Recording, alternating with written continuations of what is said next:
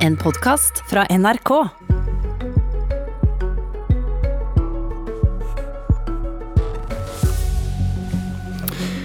Hvordan få vekk alle bensin- og dieselbiler fra veiene på ti år? Skal de gi folk gode alternativer? Skal de gjøre det ubehagelig dyrt å kjøre sånne biler? Må de tvinge biler av veien? For hva skjer hvis de sliter med å nå dette målet? Blir det forbud? I går vedtok Oslo sin klimaplan. Og velkommen til Politisk kvarter, Arild Hermstad. Du er miljø- og samferdselsbyråd i Oslo. Jo, takk. Hva var det dere vedtok i går? Eh, Vi vedtok at eh, Oslo skal altså kvitte seg med alle utslipp i løpet av ti år. eh, og Det var et samlet bystyre, altså fra Rødt til Høyre, som stemte for de ambisiøse målene.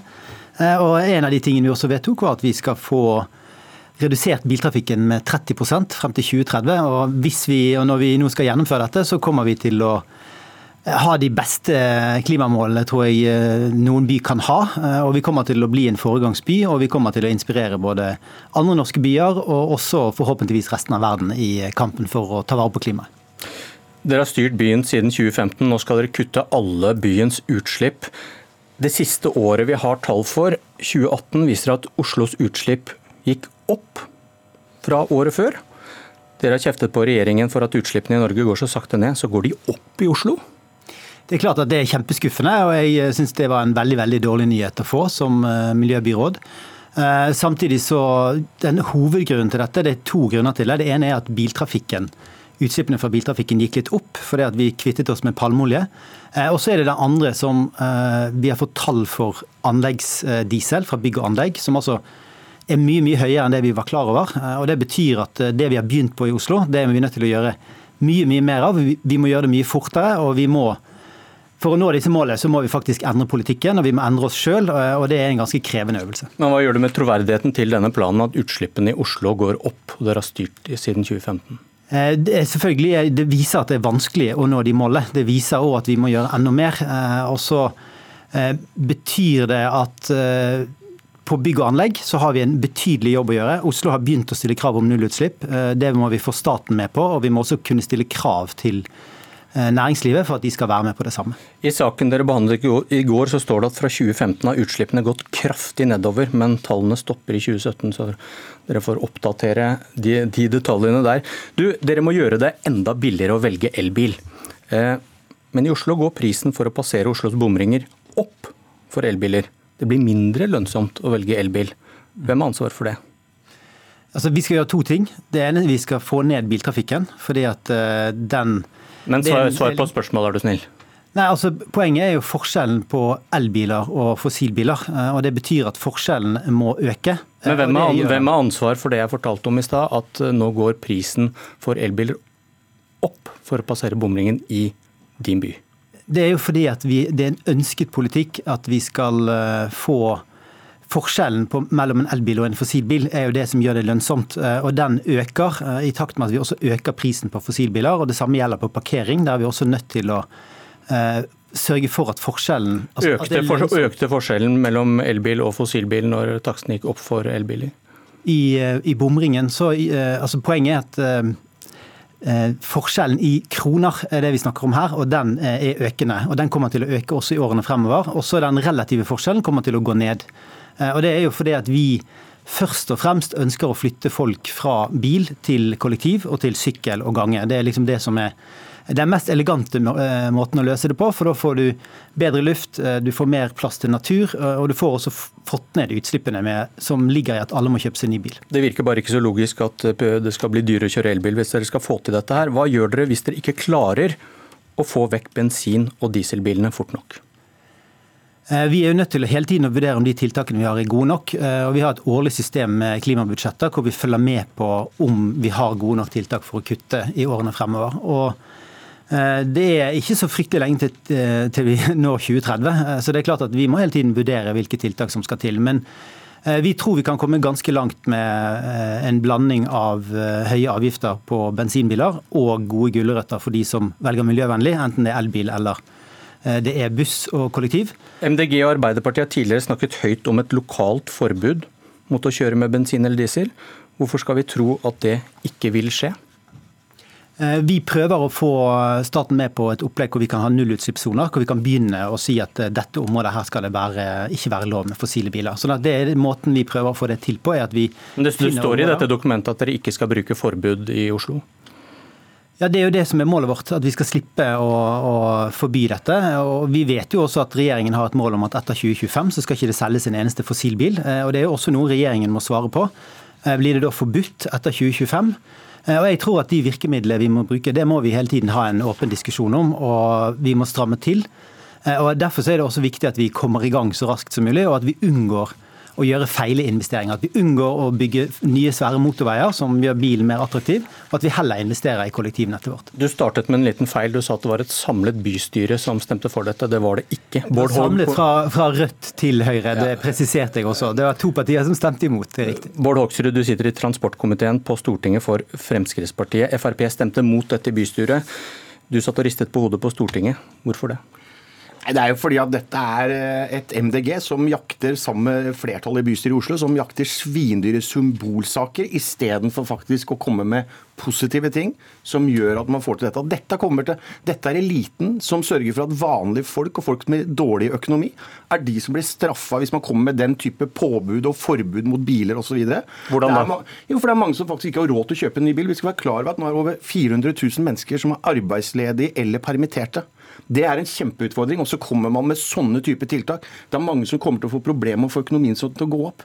Men det dette viser, er at MDG og det røde byrådet i uh, Oslo er altså MDG er grønt på utsida, men det er steinrødt inni. Det er forbud, påbud uh, og reguleringer og gjør det vanskelig for folk.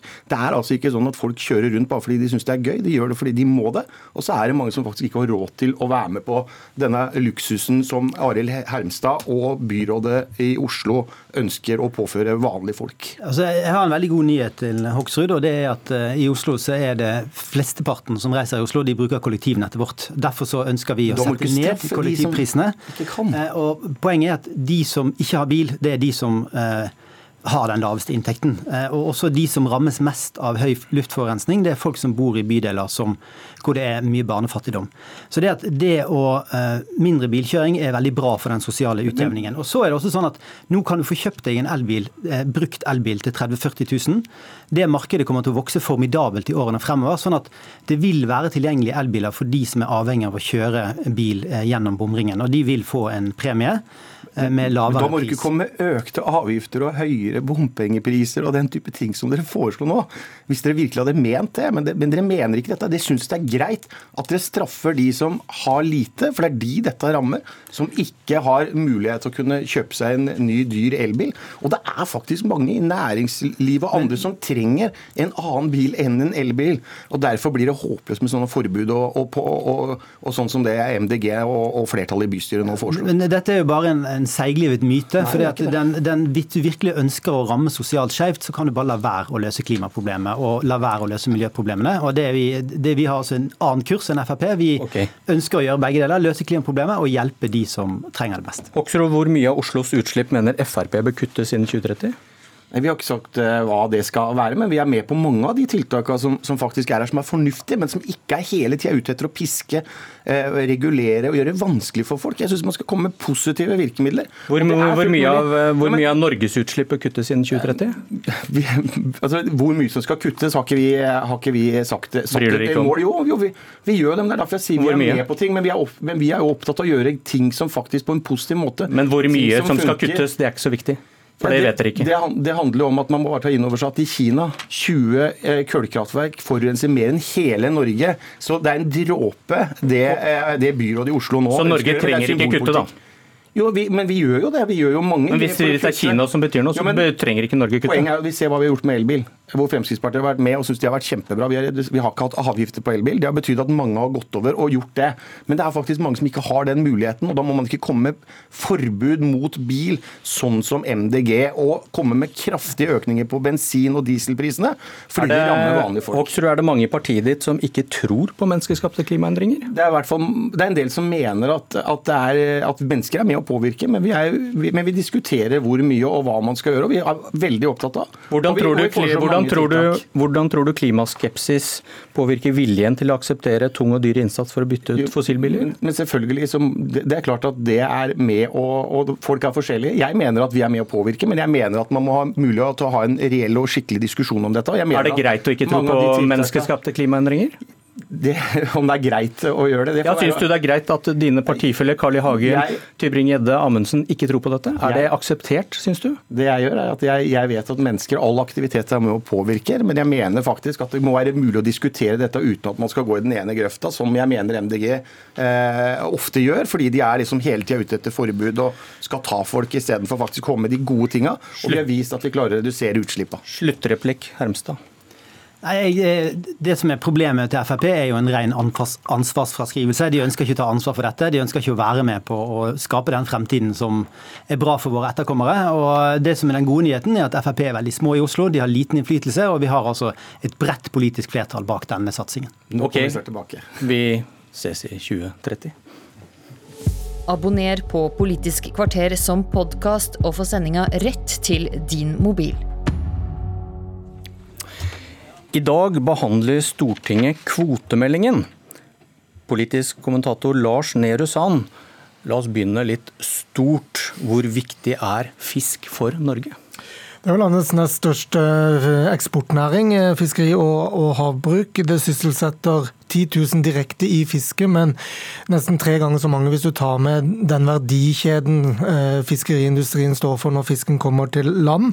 Og så er det jo iboende politisk gjennom eh, generasjoner i Norge en eh, vakker og viktig balansegang mellom næringsliv, arbeidsplasser og bosetting i distriktene, og ressursforvaltning av naturressursene våre, med det fiffige paradoks at de, som, de båtene som fisker mest, altså trålerne, som tar inn mest av fisken, de sysselsetter færrest, mens de eh, båtene som eh, sikrer mest bosetting rundt omkring i, i landet, altså det mindre kystflåten, eh, den tar inn eh, minst eh, fisk.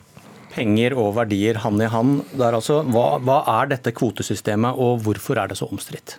Det handler om hvem som skal få lov til å fiske hvor mye, altså få tilgang til en naturressurs og mulig eh, berikelse på hvilke betingelser. Og så er det et mylder av regelverk for ulike fartøystørrelser, eh, ulike fangstmetoder og ikke minst ulike fiskeslag. Regjeringen har slitt med å få flertall for endringer i fiskeripolitikken. Eh, Hva skyldes det? Og Det har jo ikke mangla verken på fiskeriministre eller eh, visjoner under eh, regjeringen Solberg. Eh, Man har ikke klart å liberalisere like mye som FrPs partiprogram legger opp til, f.eks. Ikke like mye som Frp klarte med fiskeriministeren, som de har klart med landbruksministeren. Sandberg la frem en stortingsmelding som ble trukket, og nå har da Nesvik lagt frem en stortingsmelding som under behandlingen nå er de største overskriftene at man skroter de to hovedmodellene han gikk inn for. Det ene er en ordning hvor kvoter, deler av kvotene lånes ut av staten, som da har et eierskap, eh, men leies ut over tid med en inn- og utleieordning. Det andre er en midlertidig, eh, det som var en midlertidig sammenslåing av kvoter på ulike båter, eh, som skulle gjelde en viss tid. Det var hele poenget. Den ville regjeringen forlenge, den fordelen de som da gikk inn for dette, fikk. Men det blir det nå ikke noe av. Så det er i det hele tatt mest oppmerksomhet rundt det som ikke blir noe av. Eh, Og 12. mars så brøt opposisjonen hele forhandlingene om å få til et bredt flertall, sånn at næringen skulle få den forutsigbarheten de ønsker seg kanskje mest av alt. Og hva vil regjeringen gjøre nå da, og hva er det partiene, de andre partiene er så uenig i? Ja, Det blir som sagt mest bråk av det som regjeringen ikke gjør. Så det regjeringen gjør er en, eh, i all hovedsak en modernisering og opprydding i regelverket som har hatt mange finurligheter, og som nå blir mer oversiktlig. Og det er også ukontroversielt, mange av de endringene der. Så ønsker eh, opposisjonen å få til eh, forpliktelse om at mer fisk skal landes i norske lokale havner. At kystflåten, altså de mindre båtene eller mellomstore båtene, skal få mer av den totalkvoten Norge skal ta opp av havet i løpet av eh, et år. Og også mer eierskapsbegrensninger enn det er i dag. Hjertelig takk for analysen, Lars Nehru Sand. Dette var Politisk kvarter. Jeg heter Bjørn Myklebust.